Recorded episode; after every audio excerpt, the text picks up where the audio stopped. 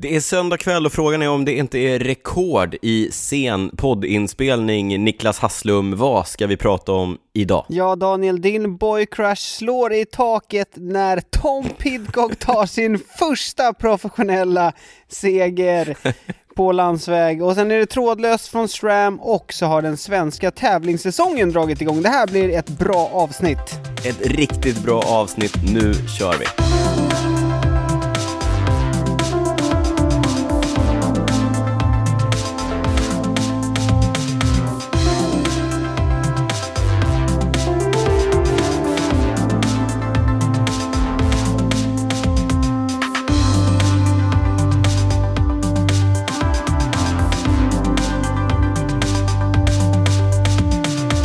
Varmt välkomna till det 91 avsnittet av Cykelwebben-podden med mig Daniel Rytz och med dig Niklas Hasslum. Även den här gången är det tråkigt nog så att vi inte sitter på samma ställe. Det är logistikutmaningar deluxe, men eh, snart Daniel, snart får vi ses. Ja, verkligen. Jag, jag, ser mycket fram emot det.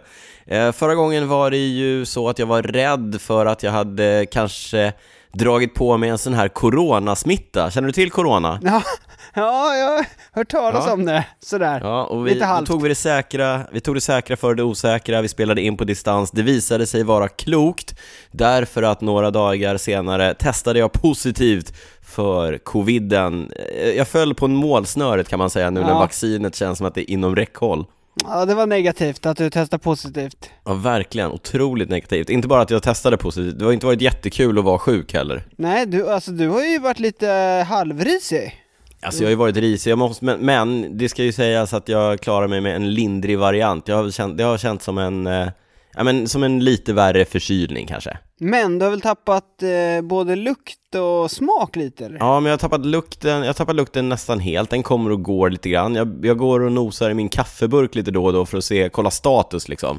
Är den, det, den det är som jag. måttstocken liksom, kaffelukten? Ja, exakt. Ja, för den, den vet jag att jag känner. Sen okay. ibland så här, när jag tvättar händerna typ, så kan jag känna, du vet, så får man en sån liten tvåldoft och bara, ah nice.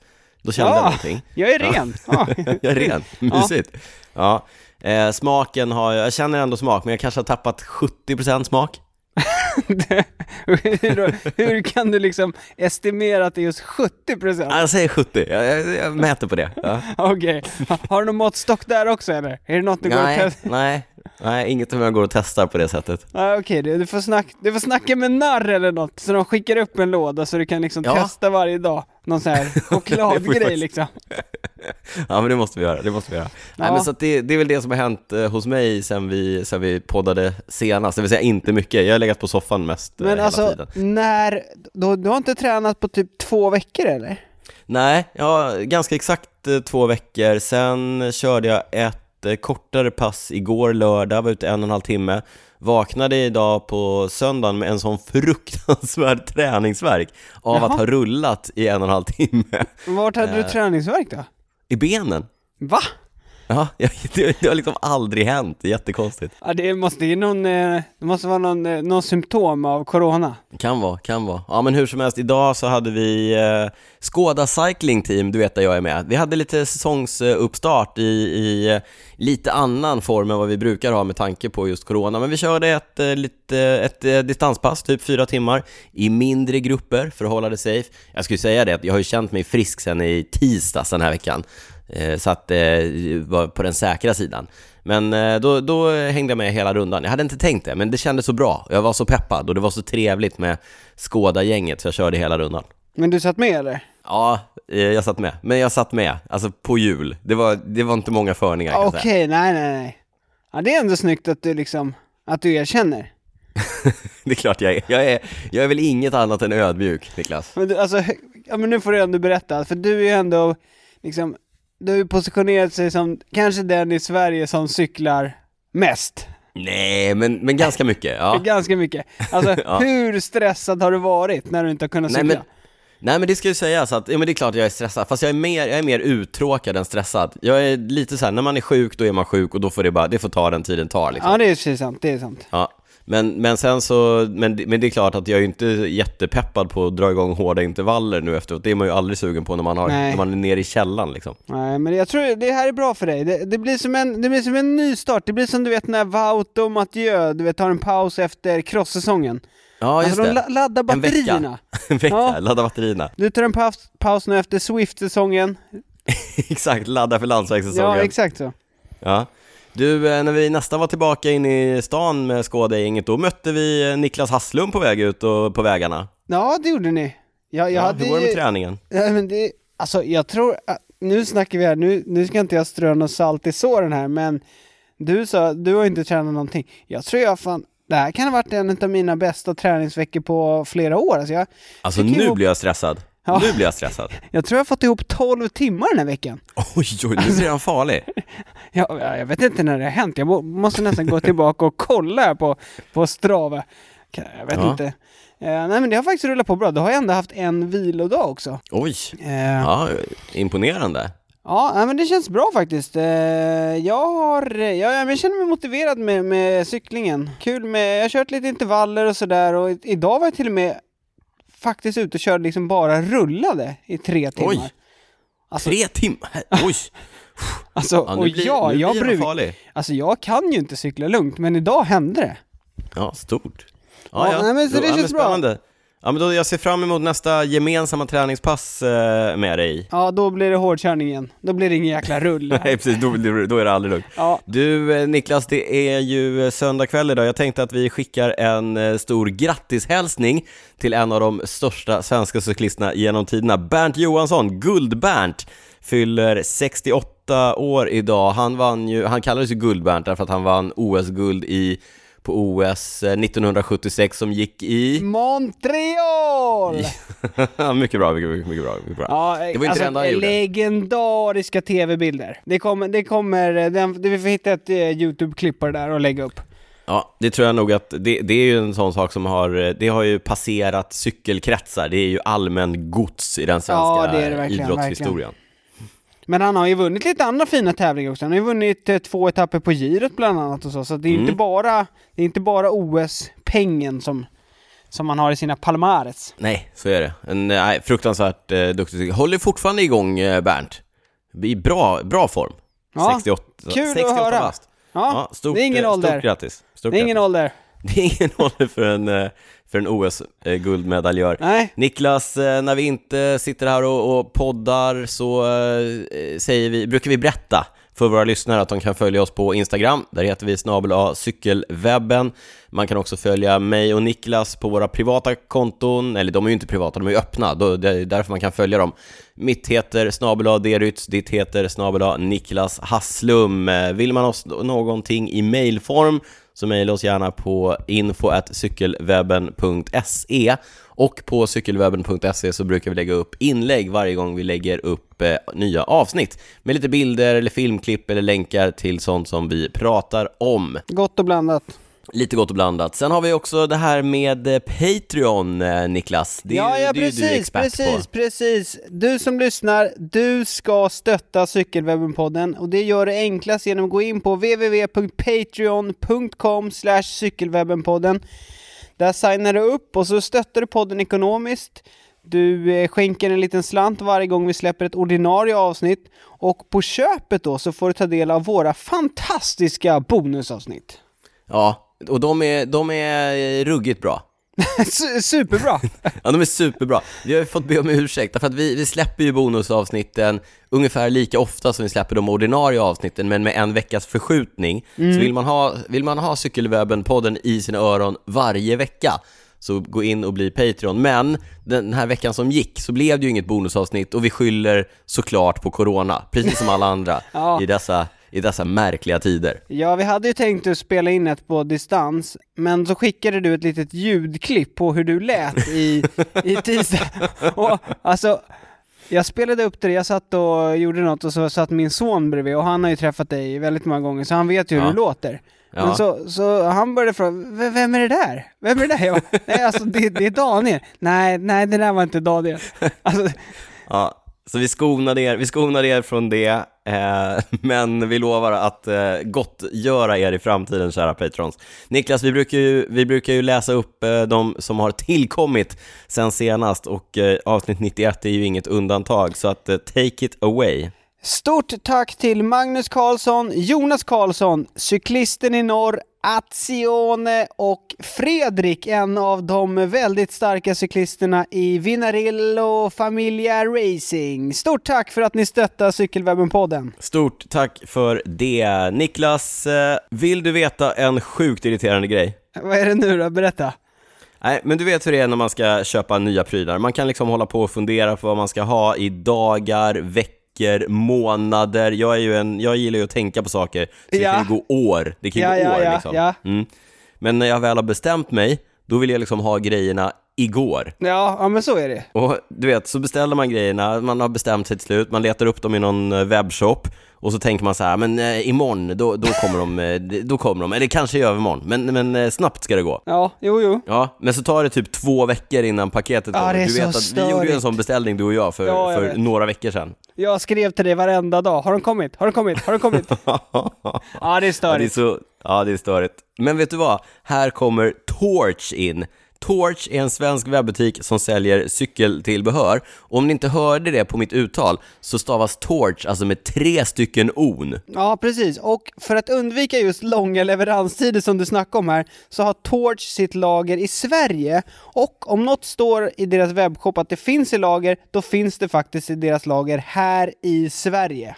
Och eftersom det gör det så går det snabbt och smidigt att få ut grejerna till dig som kund. Precis. Hos Torch hittar du massor av tillbehör till din cykel, du hittar däck, slangar, hjälmar, verktyg, lampor och så vidare. Gå genast in och kolla, vi lovar att du kommer hitta något som du verkligen behöver. Ser du hur jag använder citationstecken, behöver? Ja, jag ser, jag ser. Just nu erbjuder Torch alla våra lyssnare 10% på hela sortimentet. Men vi sa att de har massor av grejer och det kan vara lite svårt att hitta guldkornen, men tillsammans med Torch har vi gjort det lite lättare. Det har vi. Gå in på torch.com och det är alltså med tre on slash cykelwebben-podden så hittar ni ett gäng produkter som vi har valt ut ur deras sortiment. Ja, men du tipsar till exempel om Pirellis graveldäck Cinturato. Si, si, Si, si. Men, men, och, och det är 10% på det, men det är alltså 10% på hela sortimentet om ni använder koden Cykelwebben-podden. Alltså inte bara på de utvalda grejerna där, utan hela sortimentet. Gå genast in på torch.com cykelwebbenpodden och läs mer. Stort tack till Torch som är med och presenterar avsnitt 91. Stort tack! Med tre on. Stort tack till, till, till Torch. Niklas, vi kastar oss vidare in i avsnitt 91. Vad har hänt sen sist? Ja, men det har ju körts eh, vacker cykling i Turkiet, Daniel. Hur, alltså, vilken En fantastisk... snöstorm första etappen. Ja, jag var lite ironisk där. Egentligen en tävling som, eh, jag vet inte hur mycket, vi brukar inte lägga så stor vikt vid den, men, men eh, det blev så i år. Och den stora, stora anledningen var väl att eh, Mark Cavendish, som vi ju pratar mycket om, eller kanske vi har pratat orimligt mycket om med tanke på hur lite han faktiskt har figurerat högt upp i resultatlistor de senaste åren, gick och vann inte bara en cykeltävling Inte för två. första gången på tre år. Inte två, Inte tre. utan fyra. Ja, fyra av åtta etapper. Eh, han visar verkligen att han är i form och det, alltså, det har ju varit en intressant Hela den här storyn, han var på väg, han körde ju i, vad hette de förra året? Dimension Data va?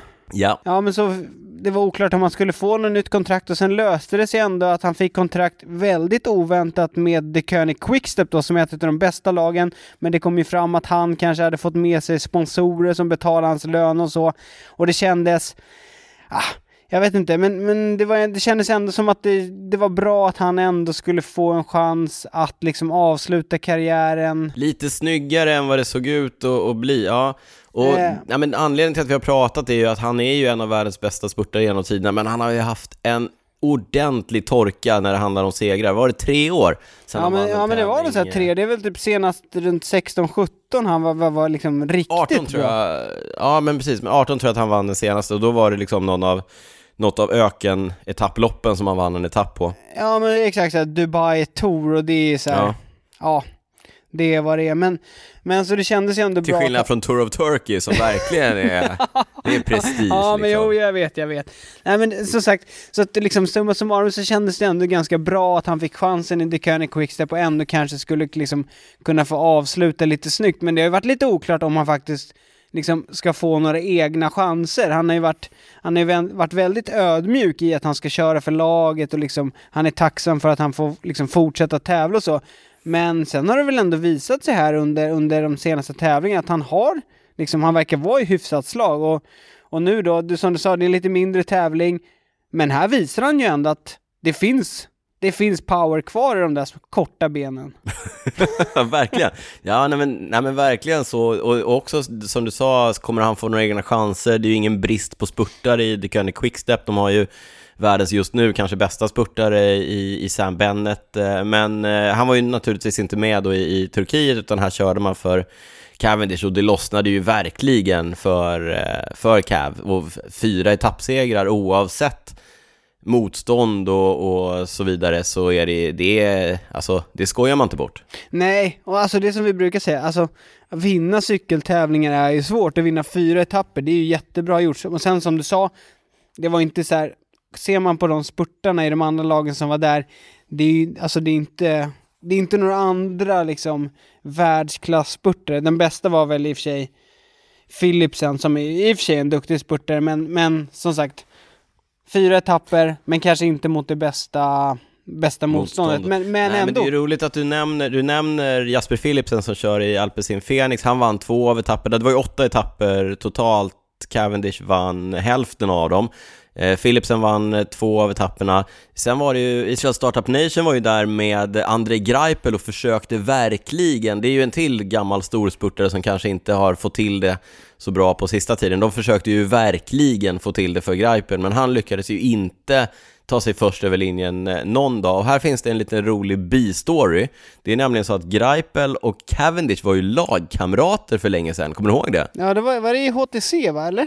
Ja, HTC eller High Road eller vad de hette i början, alltså gamla T-Mobile där eh, ja, eh, de var, var lagkompisar och där fanns det lite, det fanns naturligtvis, eftersom de var spurtare och båda var karaktärer, så fanns det lite grann en konflikt de två emellan. Och du vet, då hade väl Greipel vunnit flera tävlingar än Cavendish och då, då hade Cavendish satt någon, någon kommentar någonstans att ja men du vet, hade jag, velat, hade jag velat vinna shit small races så hade jag väl kört shit small races. För en ganska tydlig peak då till att de segrarna som Greipel hade tagit kanske inte var de mest prestigefulla tävlingarna. Eh, men nu, nu sitter han själv och är jävligt nöjd över att ha vunnit fyra etapper i Tour of Turkey, som väl by all means skulle kanske klassificeras som ett ja, shit small det race. får man nog faktiskt ändå säga. Men Greipel som du sa, han var ju, han var ju långt fram också. Eh, han hade väl några andra platser bland annat, men Ja, äh, det var kanske lite det gamla gardet som fick en, en sista chans. Men det är så här frågan, vad tänker du nu kring Cavendish? Vad är det här början på liksom, så sista, ett, ett år där han börjar dominera igen, eller vad tänker du? Nej, det tror jag inte, men eh, för mig så får han gärna liksom vara kanske The König Quickstep spurtare i shit small races och, vin- och fortsätta vinna dem. Jag tror ju knappast att han får en plats i ett torlag eller kanske ens ett Giro eller Vuelta-lag för att vinna några segrar på de stora etapploppen, men, nej, men vi får se. Vad, vad tror du? Ja men alltså, en annan grej som, från Tour of Turkey det var ju att eh, Fabio Jakobsen gjorde comeback och han, han, ja, de flesta vet väl storyn, han kraschade i Tour of Polen, var det, det var förra året ja, och, ja, han har opererat ansikte, han har opererat sig hur mycket som helst och Alltså han var ju en hårsmån från döden Ja, egentligen. exakt. Det var ju riktigt läskig vurpa. Ja, och han har gjort en helt mirakulös comeback. Alltså dels att han liksom kan gå och cykla, men att han ens är tillbaka i proffsklungan är ju helt, ja det är helt fantastiskt. Men han var ju en av deras ja, mest lovande spurtare, men han, han har ju såklart en lång väg tillbaka tills han kommer vara med och slåss om segrar. Han sa väl det redan nu att i början nu, då handlar det mer om att liksom börja lita på, på cykeln, lita på lagkamraterna och liksom lita på på de man tävlar mot. Så att, ja, Det var ju också läskigt därför att på en av eh, de här etapperna så blev det ju en, en vurpa som faktiskt var lite liknande den som han var med om i Polen, just med cyklister som gick in i eh, kravallstaketen. Nu, Ja. gick det, nu gick det betydligt bättre den här gången, men eh, det måste ju ha känts ruskigt läskigt för Jakobsen att ha liksom sett allt det där hända. Ja, ja precis.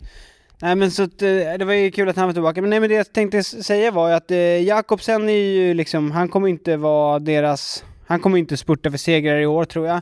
Sen har de Nej. ju Alvaro Hodge som har varit helt under isen. Och sen liksom bakom dem så är det egentligen inte så många. Och Sam Bennett tar jag för givet att han kommer åka till touren. Så att Ja, alltså, garanterat. så jag vet inte, vem vet?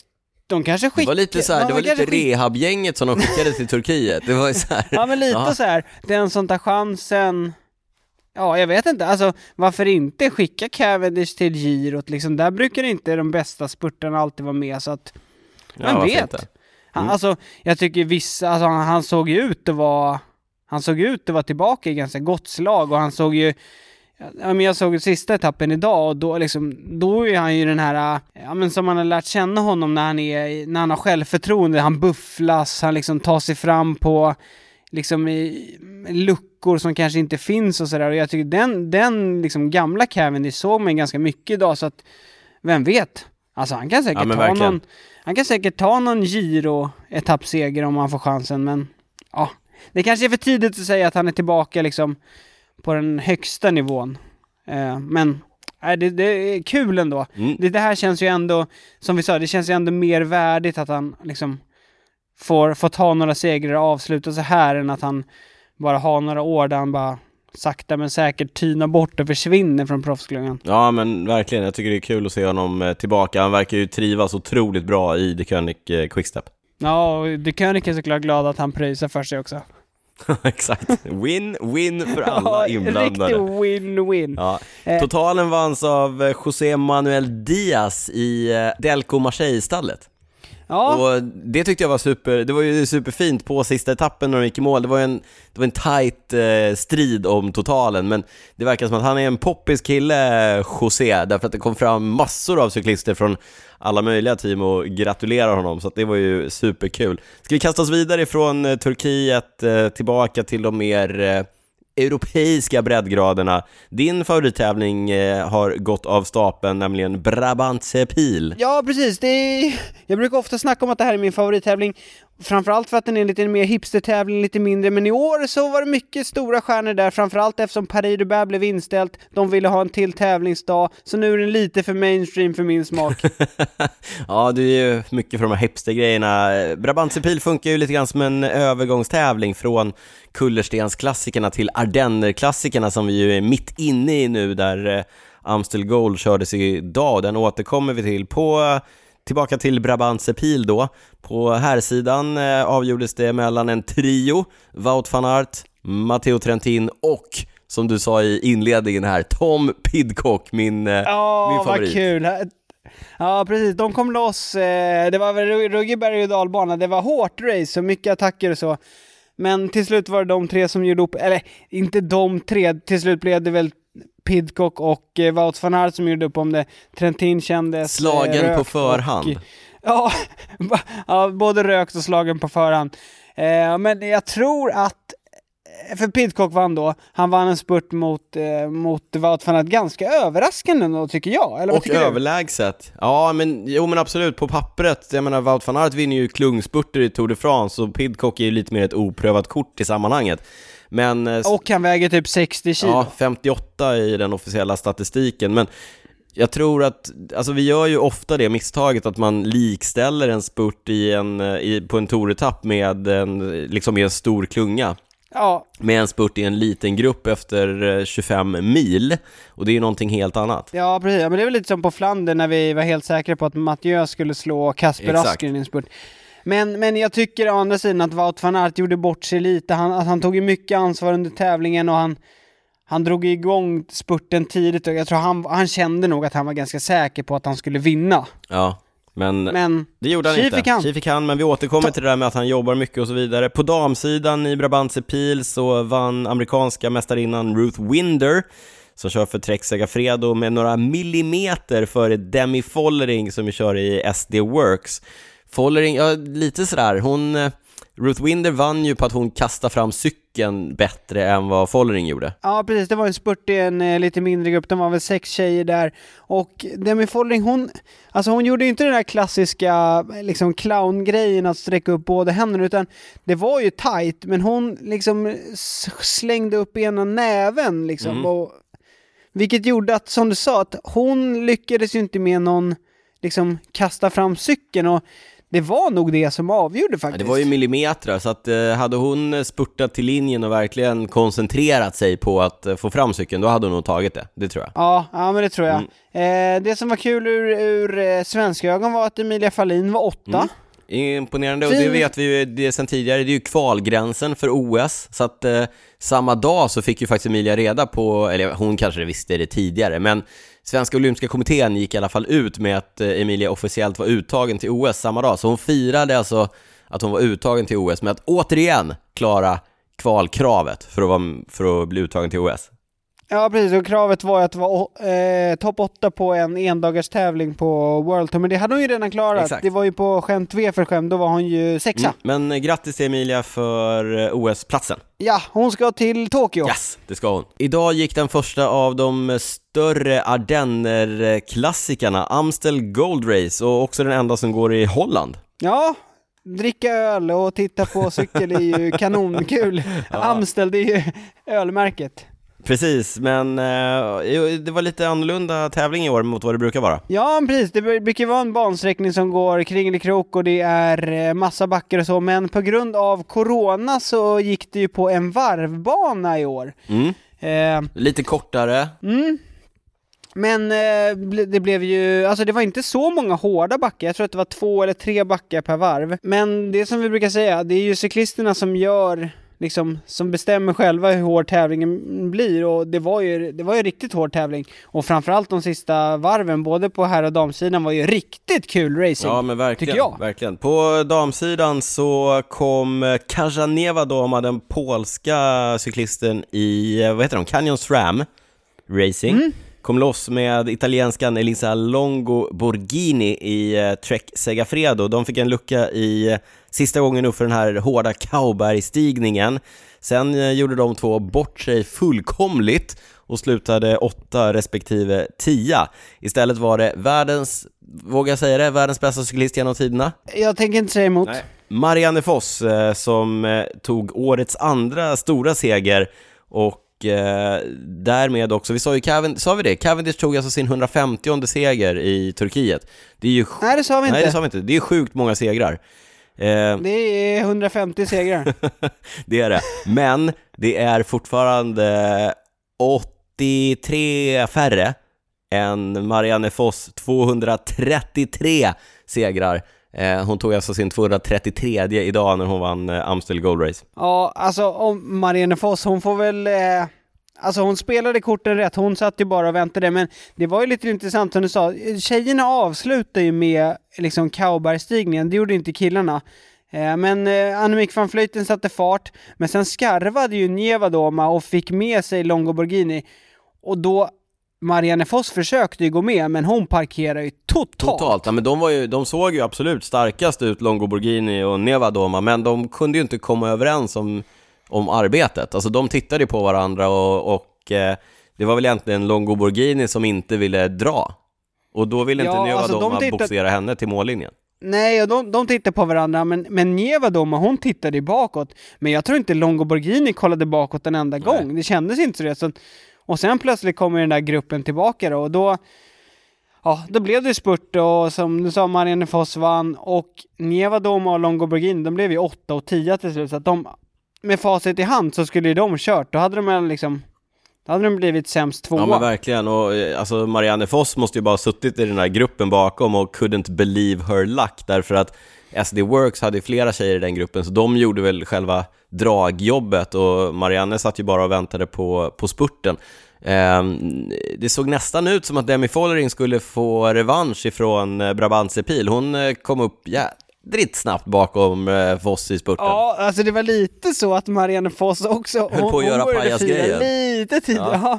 Hon, men men hon, hon höll undan så att eh, Foss vann före Follering då och van Vleuten trea. Mm. Jag måste lägga till ännu mer här, bara eh, strö salt i såren på Elisa Longo Borghini. Hon har ju ledartröjan i, de har, på damsidan finns det ju en ledartröja för World Tour-tävlingarna. Mm, nej Och precis. den är ju poängbaserad, man får ju olika poäng beroende på, på placering och så vidare. Hon hade ju då en garanterad andra plats och det hade ju varit bra för den totalen. Och istället så blev hon alltså åtta, och det är ju ett jättetapp i poäng. Ja, jag tror också att eh, kanske till och med blev Marianne med Foss tröjan. tar över den Ja, säkert. Jo, jag tror, Mm. ja.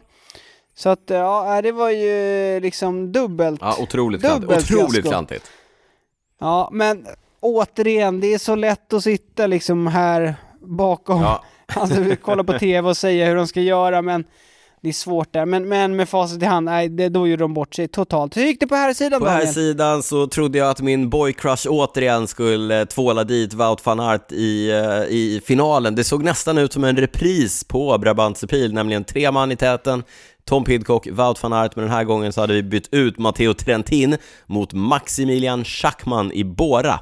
Eh, men efter att ha studerat målfotot intensivt så kunde man Alltså, hur lång tid tog Nej, det tror jag aldrig varit med om. Jag har aldrig varit med om att det har tagit så lång tid att, att få fram en segrare.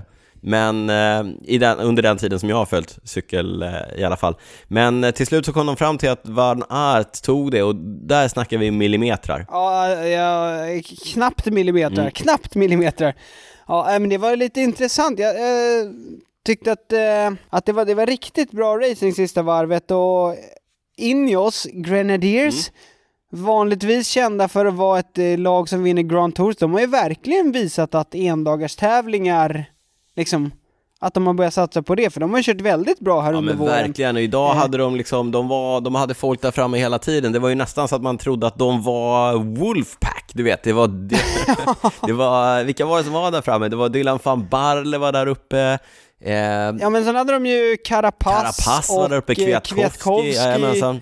Pidcock. Ja men det var ju intressant för de i den liksom avgörande gruppen som kom loss innan de här tre, då hade de ju med Kwiatkowski, Carapaz och Pidcock. Och så först, sen, först kom ju Kwiatkowski loss, men sen när han blev inhämtad, då attackerade ju Pidcock och det var ju väldigt intressant när vi, vi brukar snacka om de, de taktiska bitarna. Mm. Då attackerade Pidcock, fick med sig Wout, fick med sig Schachman och på fjärde rulle, då satt Kwiatkowski. Just det. Och han gick med, han gick med pyttelite. Och sen så tänkte han, nej men jag släpper. Och då hade han ju Valverde på rulle som inte ville ta. Och då blev det lucka. Ja. Så ja, men eh, den här gången eh, så blev det, som du sa, det blev ingen repris utan Wout van Aert, han väntade väldigt länge med att dra igång spurten och så vann han med någon ynka millimeter ynka millimeter. Några andra saker som jag måste nämna ifrån eh, Amstel Gold Race. Mauri van Sevenant, Niklas eh, Hasslum, på tal om Wolfpack. De hade ju ingen där framme. Alla Filip verkar vara lite grann på nedgång formmässigt.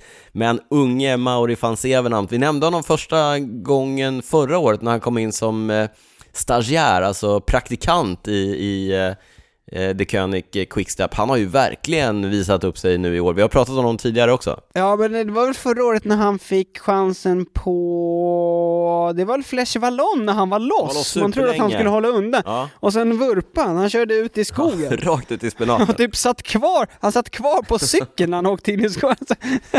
ja, nej, han- alltså han har ju en ruggigt skön stil, Mauri van Sevenant. Alltså han... Han är slängig på cykeln kan man hans- säga.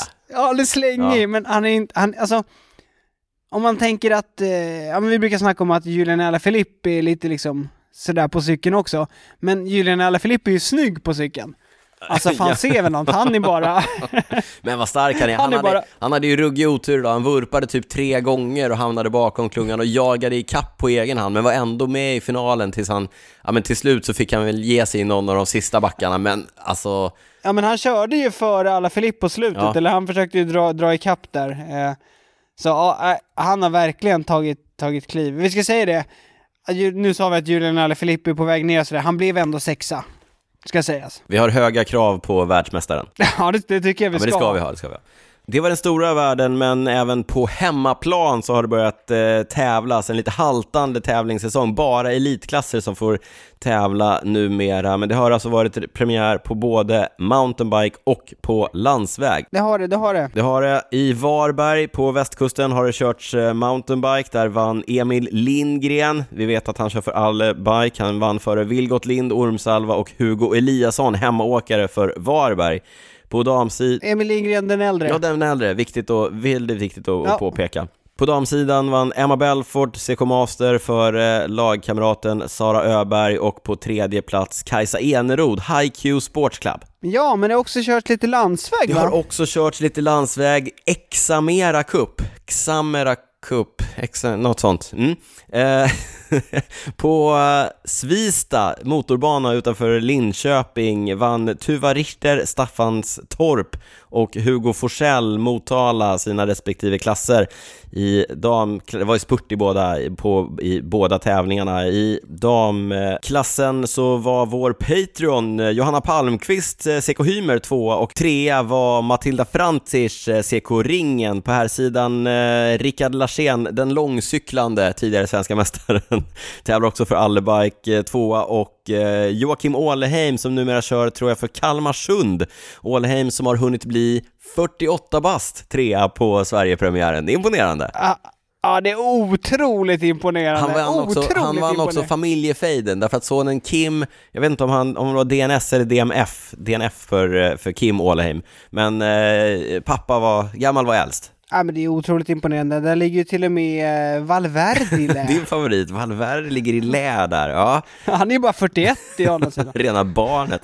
Du, eh, en rolig sak som jag noterade var att eh, de svenska MTB-åkarna också var på hugget på landsvägen. Kajsa Eneroth som var trea där på, i Varberg, hon var fyra på, i damracet på, i Linköping och på femte plats i herrklungan så såg jag att Mattias Wengelin var på, det var, det var Vängan. Ja, det är kul. Ja men de får passa på, det körs inte Nej, så exakt. många tävlingar. Gillar man att tävla då får, man... det som, ta dem som ges, ja. Nej men jag såg flera namn i listan, eh, Martina Thomasson bland annat i, blev sexa respektive fyra på båda, på mountainbike och eh, landsvägstävlingarna. Men det är kul, vi gillar ju såna här crossover-atleter. Ja, verkligen, verkligen. Men du, lite andra nyheter. Jag såg att min favorit Remco har skrivit på för fem år med The König Quickstep. Ja, och hans kompis Julian Alaphilippe, världsmästaren, tre år. Det är ju rätt ovanligt med så långa kontrakt, eh, men, eh, ja, men det är väl, de, är ju, de har ju högt marknadsvärde.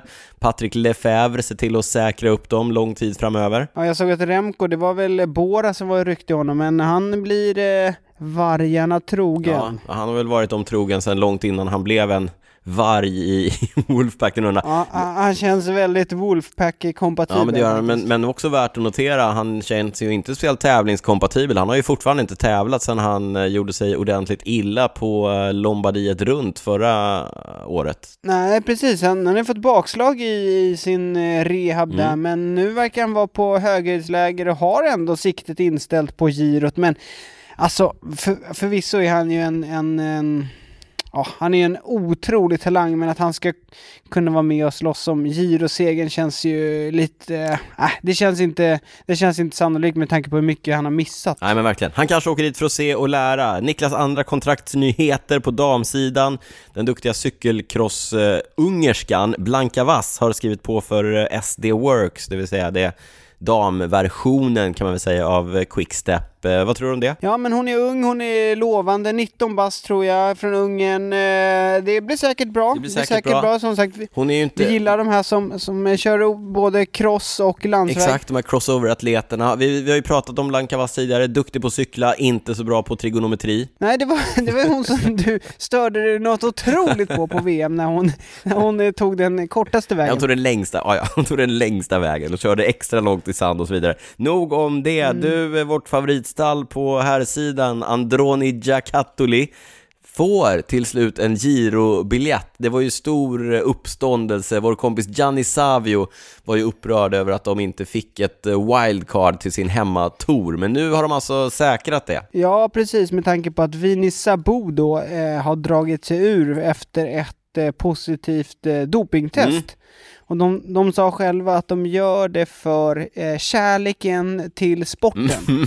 Det, det, det är anledningen till att de drar sig. Ja, Okej. ja, det är snyggt, det är snyggt det i alla fall. Mm, Ja. ja. Eh, En annan Ja. tråkig gironyhet, eh, Vincenzo Nibali, Lo Squalo, Hajen riskerar att missa girot efter att ha vurpat och brutit handleden. Vi hoppas eh, dock på snabb bättring för Trek Segafredo-åkaren. Ja, vi hoppas att han får göra en, liksom en...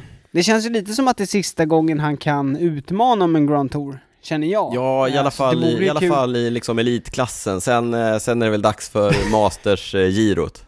Ja, ja. Okej, han kanske kan ha chansen i Masters framöver. Kanske, ja. Hade det Kanske. funnits ett Masters-giro och så vidare.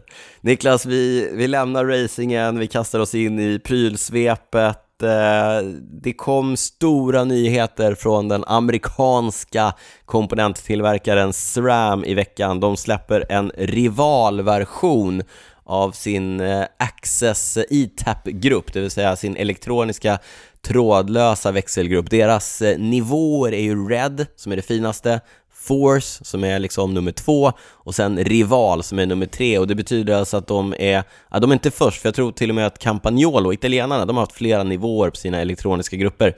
Men eh, de släpper alltså en eh, nivå 3-grupp som är elektronisk och i princip så kan jag väl bara sammanfatta det med att det är en billigare men tyngre version av de eh, dyrare Red och Force-grupperna. Ja, men det är, det samma, är det samma utväxlingar? Vi har pratat om dem en del. Ja, precis. Det- Mindre framklingor och också mindre och större kassetter. Eh, Samma, samma principer där med eh, 13 tänders skillnad eh, fram till 48, 33 blir det väl, nej 46, 33, 48, 35 kan jag räkna, ja.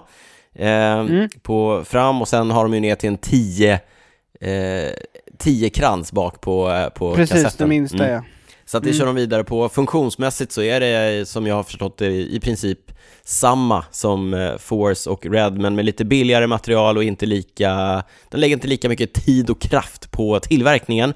Så, och så återanvänder man då samma teknologi för att komma ner i pris, men priset man betalar är då Ja men dels så betalar vi för gruppen såklart, men också eh, att det är tyngre. Har du några priser vad gruppen Nej, jag kostar? sitter inte inne på några priser, men eh, vikter då, jag tror att den är 700 gram tyngre än en, eh, en Red-grupp och lite tyngre än en Force-grupp också. Och nu är ju det här liksom den billigare varianten, men i samband med det här så släppte bland annat Specialized lite nya modeller av sina Tarmac, Atheos och Roubaix-hojar, alltså alla deras olika plattformar. Och då kostar de med Rival Access-gruppen eh, 58 999 kronor i rekommenderat utpris. Så att eh, fantastisk instegs eh, budgethoj liksom. Mm. ja, ja, verkligen. Ja, men som du sa, det är ju, Rival är väl ungefär motsvarande 105. Ja, precis. Eh, Men eh, marknaden vill ha elektroniskt, marknaden vill ha trådlöst och då blir det så här. Det är klart att det, att det kostar. Eh, En sak som inte Ja. var så dyrt och som jag tycker är, är superintressant var att till den här gruppen så kommer SRAM som jag har köpt upp eh, Quark med en ny typ av eh, wattmätare, effektmätare heter det egentligen, jag vet det, Mm. eh, som är billigare och som är byggd på ett helt annat sätt. Deras eh, effektmätare bygger, har ju tidigare suttit i, på högersidan av vevpartiet mellan veven och klingan. Det här, den här sitter i vevaxeln eh, och mäter där. Och då mäter den bara vänstersidan så att det är en enkelsidig vev. Men om jag har förstått det hela rätt så ska den eh, liksom uppgraderingen från inte effektmätare till vevparti med effektmätare ska bara kosta 250 dollar. Det är ett väldigt bra pris i så fall. Jaha, ja, verkligen, verkligen. Eh, Det intressant, mycket intressant, eh, men eh, som sagt inte, jag har inte sett några priser riktigt var det kommer landa när det handlar om eh, övriga gruppen då, förutom den här indikationen som vi fick ifrån eh, Specialized. På julsidan, våra kompisar på Bontrager har släppt en ny julplattform som heter Eilos RSL och precis som eh, de flesta andra jultillverkare följer de trenden med att göra sina högprofilshjul i kolfiber bredare och därmed ska de också bli både mer aerodynamiska men också lättare att hantera i sidvind. Ja, det är dit eh, utvecklingen går. Det är dit den helt går. klart, helt klart. Ja, de finns i tre höjder, 51, 62 och 75 mm. Alla är 31 mm breda ytter, yttermått på fälgen och 23 inner. De ska vara optimerade för 25 mm däck som då blir lite bredare när man kör dem på en så bred fälg. Ja, Finns bara för kanttråd och då naturligtvis tubeless, eller jag säger naturligtvis de flesta tillverkare, förutom Specialized. Eh, kör ju ja mycket just det. Ja, inte de, inte de. inte då, nej.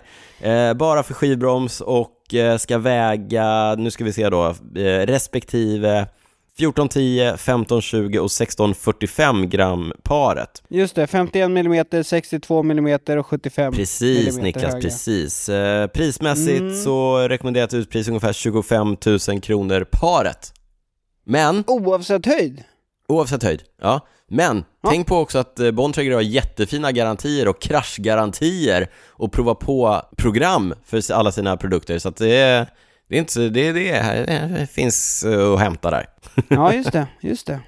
Du, eh, i veckan damp det ner ett intressant paket på redaktionen. Berätta lite. Ja men det gjorde det, vi, det jag, jag förvarnade ju lite grann om det i förra avsnittet och mycket riktigt så dök det upp ett par Garmin rallypedaler här i Cykelwebben-podden studion. Och jag har, hunnit, jag har bara hunnit köra en runda med dem så att jag vågar liksom inte komma med något utlåtande eller något utförligt test riktigt ännu. Och vill ni veta liksom mer, i, mer eh, fakta kring dem så får ni gå tillbaka till avsnitt 90 och lyssna för där går jag igenom det mesta av det.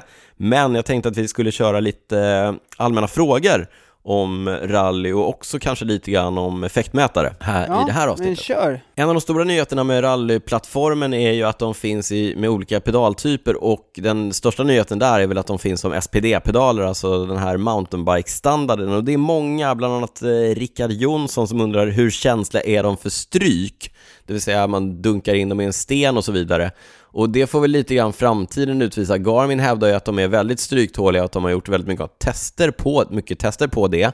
Men eh, det återstår väl att se när de är ute i mängd, ute i liksom den verkliga världen för att se hur, hur, bra, faktiskt, hur bra de faktiskt håller. Ja, vi har fått lite frågor eh, vad som skiljer dem från de här senaste Vector 3-pedalerna. Ja, och där, det är svårt att säga liksom internt hur de har byggt om dem och så vidare, men, men plattformen är ju densamma. Sen tror jag ju, jag tror ju mycket av det här namnbytet kommer nog att de har ju faktiskt släpat med ett, ett ganska taskigt rykte kring just eh, pålitlighet och sådär kring vektorpedalerna.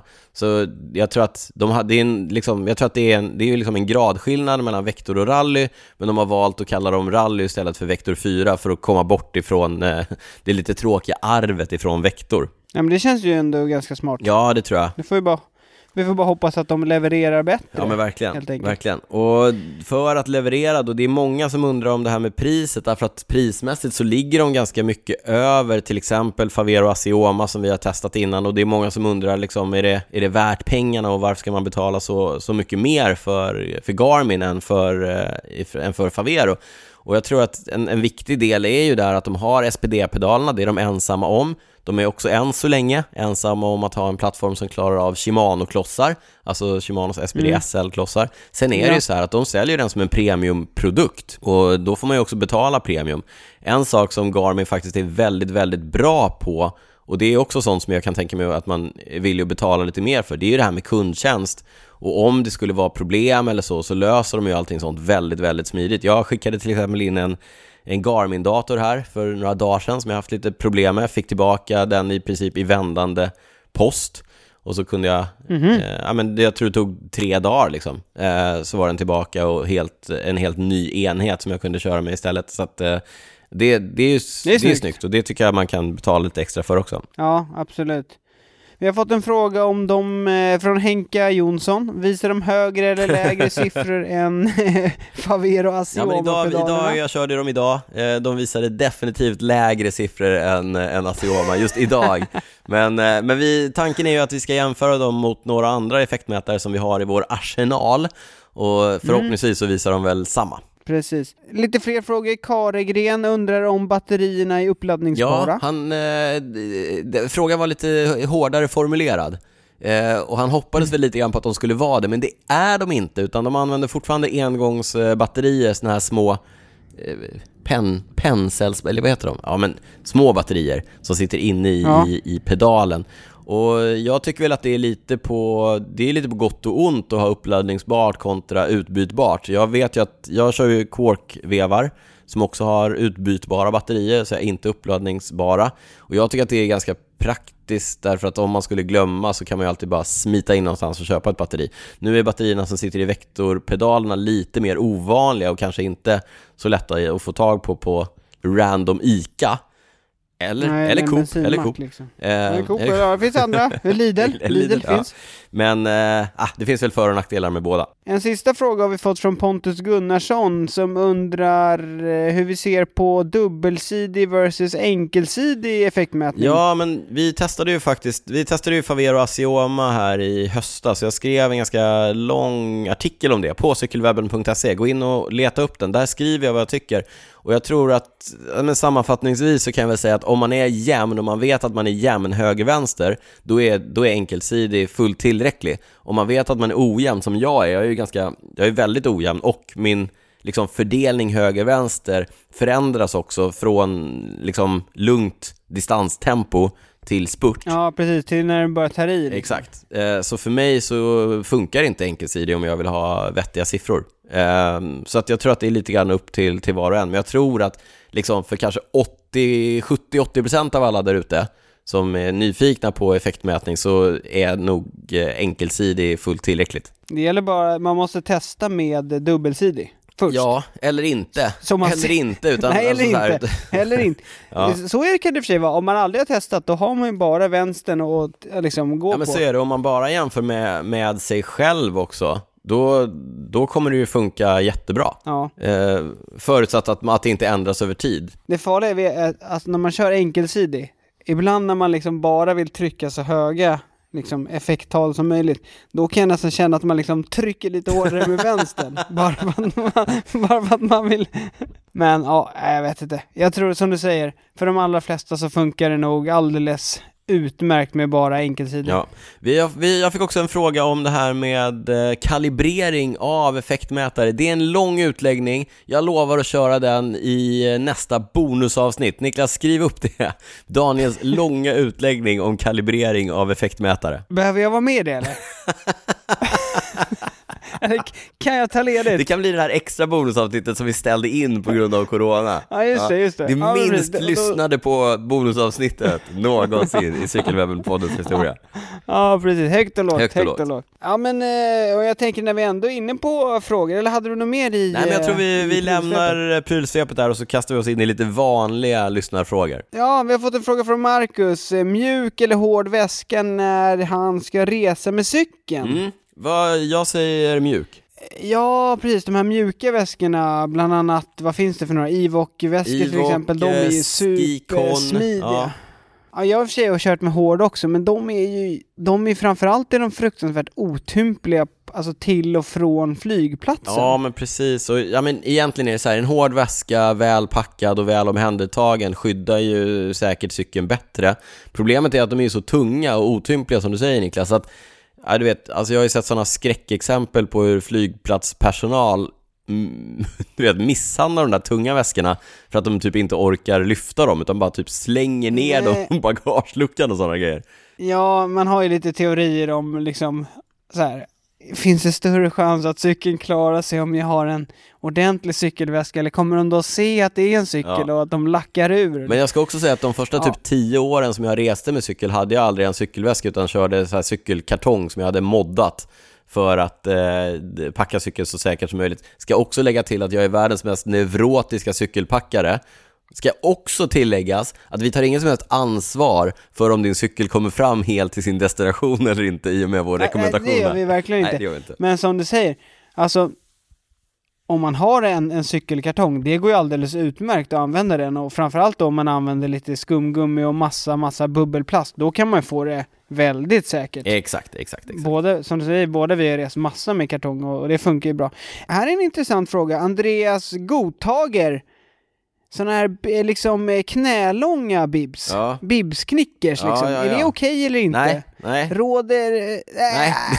rå, råder onekligen delade meningar? Gör det verkligen det?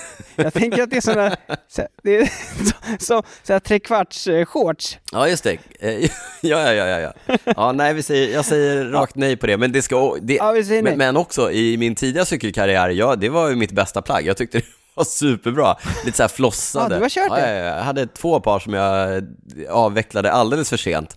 Men eh, nu skulle jag aldrig, nu skulle jag aldrig visa upp mig i ett par trekvarts långa bibs. Nej, det är bra. Jag, jag säger också nej. Däremot är tummen upp för, och det här blir lite, blir lite konstigt att säga så, men däremot liksom knävärmare Ja, ja, ja. med vanliga bibs. Det är okej. Men det är viktigt då att knävärmaren måste gå ner på halva vaden och möta strumpan så att det kanske får en glipa på 4-5 centimeter på sin höjd. Ja, jag vet. Knävärmare som slutar precis under jobbigt. knät, det, det säger vi blankt nej till. Nå, jag vet, men jag har ett par knävärmare som också glider upp när man cyklar och det är livsfarligt. otroligt irriterande. Då sitter man och drar ner dem, Nej, då, då förlorar man energi på det. Ja, verkligen. så, nej, Mina favorit... Snickers är inte okej. Inte okej. Mina favoritknävärmare köpta på Mallis för typ 100 år sedan, superbilliga, Santini. Fortfarande de, eh, fortfarande de bästa knävärmarna jag har. Jag är livrädd för att de ska gå sönder. Santini! Santini, Riktigt 100 år gamla. legendariska. ja. Eh, är det okej att lägga ut cykelbilder på sociala medier när man glassar runt på Mallorca nu, eller är det over eh, the top eller över gränsen? Undrar Rocco Ja, det är exakt som Bibs eh, Nickers, det är blankt nej på den eh, frågan. Ja, ja, faktiskt. vi vill inte se, vi vill inte se något sånt nu. Nej, Nej. det är taskigt. Det är taskigt att visa ja, upp det det. är taskigt. Fast jag, jag, har, ju, jag har ju nu förhoppningsvis antikroppar, så att snart eh, på mitt Instagramforum kommer bara vara bilder Ja, du- från Mallorca. Ja, du tror du ska leva någon slags Ja, ja, räkmacka-liv ja, jag ska leva loppan. Och, Jajamensan. Ja, ja, okej. ja. Tips på ett enkelt träningspass eller en övning för nya cyklister för att få lite starkare cykelben. Och frågan kommer från vår nya Patreon, Vinnarello Familia Racing. Ja, det är svårt det där. Har du något specifikt? Alltså man, man kan tänka att det kanske är låg kadens, att man kör extra tunga växlar och sådär. Men jag skulle säga att om man är, om man är ganska ny på cykling, som jag förstod det att Vinnarello-gänget kanske är, då säger jag bara cykla. Alltså det behöver inte vara då så mycket jag svårare. snarare... Nej, precis. Och, och liksom starkare cykelben, det behöver ju per automatik inte vara liksom tung, liksom låg kadens. Då kan jag snarare tycka att man, för många, många som kommer in i sporten och liksom är nybörjare, de har ofta lite för liksom låg kadens kan jag tycka. Då kan det nästan vara bättre att träna på att ha lite högre kadens. Alltså köra typ, eh, ja men kör lite längre intervaller och försök ha högre kadens då. Alltså 90-100 kadens. Oj. Jag tror, jag tror det, det tror jag är en bra grej. Ja, kontroversiella svar från, eh, från Niklas Hasslum, men vi kanske, får, vi kanske får återkomma till frågan och stämma av med någon av våra tränings, alltså trä, duktiga träningskompisar, typ Mattias Räck. Ja, inte, ja precis, inte vi hobby... Exakt. Vi som tror att vi kan Nej. något, nej. Så att, men vi, vi ber att få återkomma, men, men tills vidare, cykla bara mycket. Cykla mycket, kör hårt. då, då, kom, då, kom, då får du starka ben, garanterat. Otroligt starka tips ifrån eh, Niklas Hasslum och Daniel Rytz i Cykelwebben-podden. Du, apropå äh, Garmin här. Olle Majette undrar om vi vet om eller när Garmin planerar en ny variant av eh, cykeldatorn 830. Nej, det vet vi inte. Eh, vi blev ju förvånade när de kom upp med, när de kom med nya effektmätarpedaler eh, från ingenstans. Den hade de lyckats hålla locket på eh, ordentligt. Nej, men 830 är väl tre år, två eller tre år gammal nu, så att det är väl gissningsvis är det väl dags eh, inom något år eller så för en ny variant. Ska vi gissa på att den kommer att heta 840? 830? En vild, En vild gissning. vild gissning. 830 ersatte ju 820 och sen så blev det 830 då va? Ja. Men eh, jag skulle Ja. säga det att eh, jag har ju kört 830 eh, sen den kom och tycker att den är toppen. Så att om du vill ha en bra cykeldator nu så behöver du inte vänta på en ny. Så kan man ju säga. Nej, nej det är sant. Det är sant. Men, men svaret var att vi tyvärr inte riktigt vet om det är något nytt på gång. Ja, men det var nog alla frågor för den här gången som kom med. Fortsätt skicka in dem så kommer ni kanske med till nästa gång. Ja, Eh, Och har vi glömt det? Det kan ju vara så att vi glömmer. Saker faller mellan stolarna här på redaktionen ibland. ja, och sen så, alla frågor kommer ju inte alltid med, utan Nej. då tar vi med dem nästa Exakt. gång eller sådär. Men Testa igen bara. eh, fortsätt skicka in, fortsätt skicka in. Det är väldigt kul att få frågor. Väldigt, väldigt Det är kul. väldigt kul. Och ni vet att eh, frågor kan ni ställa till oss på till exempel Instagram, där heter vi snabel cykelwebben, eller mejla till oss på info.cykelwebben.se. Eh, kanske skicka DM till eh, mig eller Niklas på våra Instagramkonton, de heter drytz respektive Niklas Hasslum. Stötta podden genom att gå in på patreon.com cykelwebbenpodden eller ladda hem Patreon-appen och bli patrons, få tillgång till bonusavsnitt och så vidare. Vi finns på, ja, vi finns på alla sociala plattformar, eh, vi finns också på Strava om ni vill se hur mycket vi tä- tränar och eh, Ja, där, är, där får ni se allt. allt. Vi, har, vi är helt öppna med allt. Ja, verkligen. Ja. Eh, Siffror och allting. alla siffror, alla wattsiffror, eh, allt, allt, allt, allt. Vi, eh, vi påminner igen om att det här avsnittet presenteras i samarbete med Torch.com. Gå in på torch.com cykelwebbenpodden. 10% rabatt på hela sortimentet när ni använder rabattkoden cykelwebbenpodden. Torch med tre on. Ja, T-O-O-O-R-C-H.com. Exakt. Ja, eh, stort tack till Tord som är med och eh, presenterar avsnitt 91. Niklas, innan vi rundar av, eh, berätta för mig vad du inte har kunnat släppa. Ja, men vi har pratat om det några gånger det här... Uh, ja, det är två saker. Mm, två mm, saker. mm, mm. I, igår, ja, det blev ju en, en, en helg med mycket cykel för mig. Mm. Jag tror jag körde både tre timmar igår och tre timmar idag. Uff, alltså nu, du, Igår- du frågade innan, är du inte stressad när du är sjuk? Nu är jag stressad. Ja, ja, men det är bra. Det, det, då vet du hur jag känner mig. Året Alltid. runt. ja, right back at you. Ja, äh, men igår var det ju, idag var det ju kanonväder. Mm. Alltså verkligen kanonväder. Igår var det ju kallt, Mm. i alla fall när jag drog ut. Det var ju några plusgrader. Men sen kom solen fram och då måste jag säga en sak som jag noterade. Då mötte jag ändå några som körde kortbent. Alltså vilka hårdingar. Alltså, un, under 10 grader, Ja. då är man riktig hårding. Så eh, shout-out till dem jag mötte i, i, i kortbent. Det, det, det var häftigt. Mm. Men... ehm, Jag kan säga att igår, jag körde släppa- igår, flossade korta cykelbyxor, eh, flossade benvärmare, långärmat underställ, flossad långärmad tröja, väst, buff, pannband. Ja, jag hade i, typ i stort sett samma, samma grejer på mig och då rullar folk i kortbent. Så då, då kände jag, okej, nej, ni, ni är lite hårdare än vad jag är. Men, men idag så, så körde jag, jag hade, jag var på, jag var ute på en 70-väg. Mm. Jag lyssnade faktiskt på musik idag. Jag lyssnade på, på Kent, det var hundra år sedan jag lyssnade på Oj, men det, det gjorde Ja, jag. Alltså, då, du vet jag, det var lite gamla minnen och så här. jag blev lite nostalgisk. ja, död och begravning. Ja, det, ja precis, det var lite sorgligt och sådär. Men ja, det kändes ändå så här. jag var, jag var i bra mode liksom. Jag låg och, jag låg och trampade där. Och så, så hör jag hur det kommer en bil bakom och så kollar jag bak så är det en, en, en lastbil. Mm. Och vi har ju snackat om det här när man får till samspelet på vägen. Ja, Liksom hur, hur, hur skönt det kan vara. Och så känner jag okej, ja, men jag lägger mig så långt ut på, på vägrenen så det bara går liksom. Man vet ju aldrig, lastbilar har en tendens att kanske inte alltid ta ut liksom avståndet när de kör om. nej.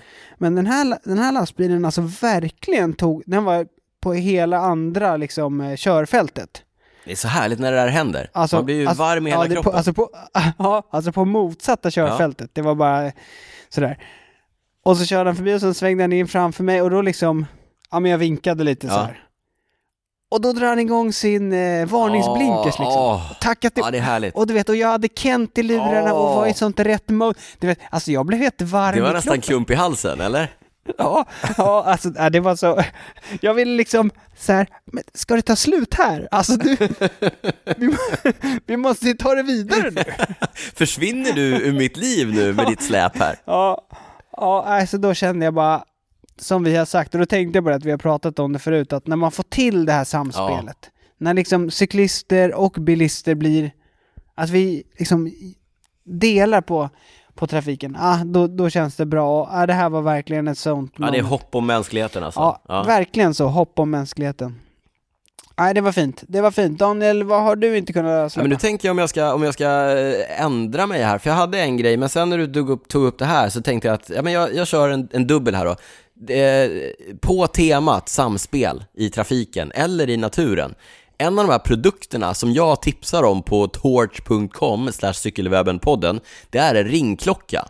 Och det har blivit en sån game changer för mig när jag har varit ute och cyklat i år. Jaha? Därför att i van... jag har ju aldrig haft ringklocka de första 20 åren av min cykelkarriär. Och, men jag försöker ändå vara trevlig när jag, du vet, kör i fatt folk ute i skogen eller så här och säger pling pling, ursäkta, ursäkta och sådär. Och folk blir vansinniga. Och så nu har jag bytt till ringklocka och du vet, två snabba så här pling pling. Folk blir så här, åh tack för att du plingade, åh vad bra, åh.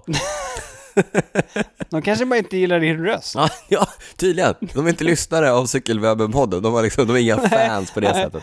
Ja, men så, så att extra tips där, eh, ringklocka, game changer. Ja, jag, jag kanske ska slå till. Jag har faktiskt tänkt på det, att så här, ibland tycker jag att det är lite jobbigt att du vet så här, ursäkta. Ja, ja, ja, ja. ja men och, du Hej, vet, här hej. på lite distans och sådär. Eh, det- 59 spänn Niklas, och så 10% på det. Det har du råd med. Det har du råd med. Ja, jag, jag hoppas, jag ska, jag ska kolla här i spargrisen, men jag ska, jag ska försöka. Men du, jag tar originalgrejen som jag hade tänkt mig, som jag inte hade kunnat släppa också. Du vet eh, Tour of Turkey, den här tävlingen som eh, Mark Cavendish vann fyra etapper på? Shit races. Shit, shit small, Shit small races, races. exakt. Ja. Eh, det norska teamet Uno X, de har ju varit superbra den här vårsäsongen. De har fått köra lite av de mindre vårklassikerna, de var också körde Tour of Turkey. Bland annat med sin spurtare Kristoffer Halvorsen. Ja, ja. Han fick inte riktigt till det, men han var där uppe. Jag tror han var på pallen eh, idag, eh, sista etappen, och kanske någon dag till. Men på någon av etapperna så höll, du vet, han, de höll på att köra ihop några. Det var ju tajta spurter och ganska smala vägar och sådär. Och de hakade i varandra och det var riktigt, riktigt tajt på några, på några spurter. Men det var speciellt en, och jag kommer leta upp vilken det var, jag kommer lägga upp det på cykelwebben.se, eller Niklas kommer lägga upp det på cykelwebben.se. När, du vet, det ser ut som att de, de går i gatan när som helst. Det är två cyklister som går ihop, bland annat Halvorsen då, och, och håller på att kroka i med vevar och, ja men det, det är så här. hade, hade det varit jag hade jag ju, du vet, jag hade panikbromsat och typ aldrig cyklat igen, någonsin. Och tyckte att alla var dumma Ja, exakt, tyckte att alla var dumma. Du vet, han Mm. bara spurtar vidare. Alltså han är, han är i ett läge där han håller på att krascha och det går säkert i 65-70 blås. Och han bara fortsätter spurta liksom. Ja, Det, ja det, det, det är ändå, men jag tänker att det, en, det här är nog en av de delarna som, när vi, som vi snackade med Fabio Jakobsen, liksom att hitta tillbaka Mm. till. ja, Alltså att, att komma in i det mindsetet, att, att vara spurtare, det är ju helt galet. Det har vi ju sett på, du vet när de brukar ha sådana kameror som sitter på cyklarna. ja, ja, ja. När man ser In i inifrån en spurt- klungspurt alltså, är ju- liksom. Oh, jag ska aldrig bli spurtare. Oh. Ja, det hade jag, det är just det där mindsetet och precis som du säger, det är, en, det, är en annan, det är en annan sport. Vi kan hålla på och leka att vi spurtar och spurta på ortsskyltar och det ena och det andra, men det är något helt annat det, där, det de håller på med. Ja, verkligen. Ja, Ja, det har du helt rätt i. eh, ofta, jag har ofta helt rätt. Eh, jag har nästan lika ofta, eller ännu oftare, helt fel. Men strunta i det nu. Niklas Hasslum, stort tack för avsnitt eh, 91. Alla ni som lyssnar, ännu större tack till er för att ni är med oss. Snart kommer vi fylla på med nästa bonusavsnitt och förhoppningsvis eh, spela in på samma plats. Men tills dess så säger vi cykla lugnt där ute, försök få till det här samspelet i trafiken. Och kör hårt också, kör hårt. Mycket intervaller Eh, nu. Mycket, Nu, nu, ja, nu, nu, nu drar det igång Nu drar det nu, igång, kommer, exakt. nu kommer våren nu kommer våren. Men eh, tills vi hörs igen eh, så säger vi som vi brukar. Ciao, ciao! Ciao, ciao.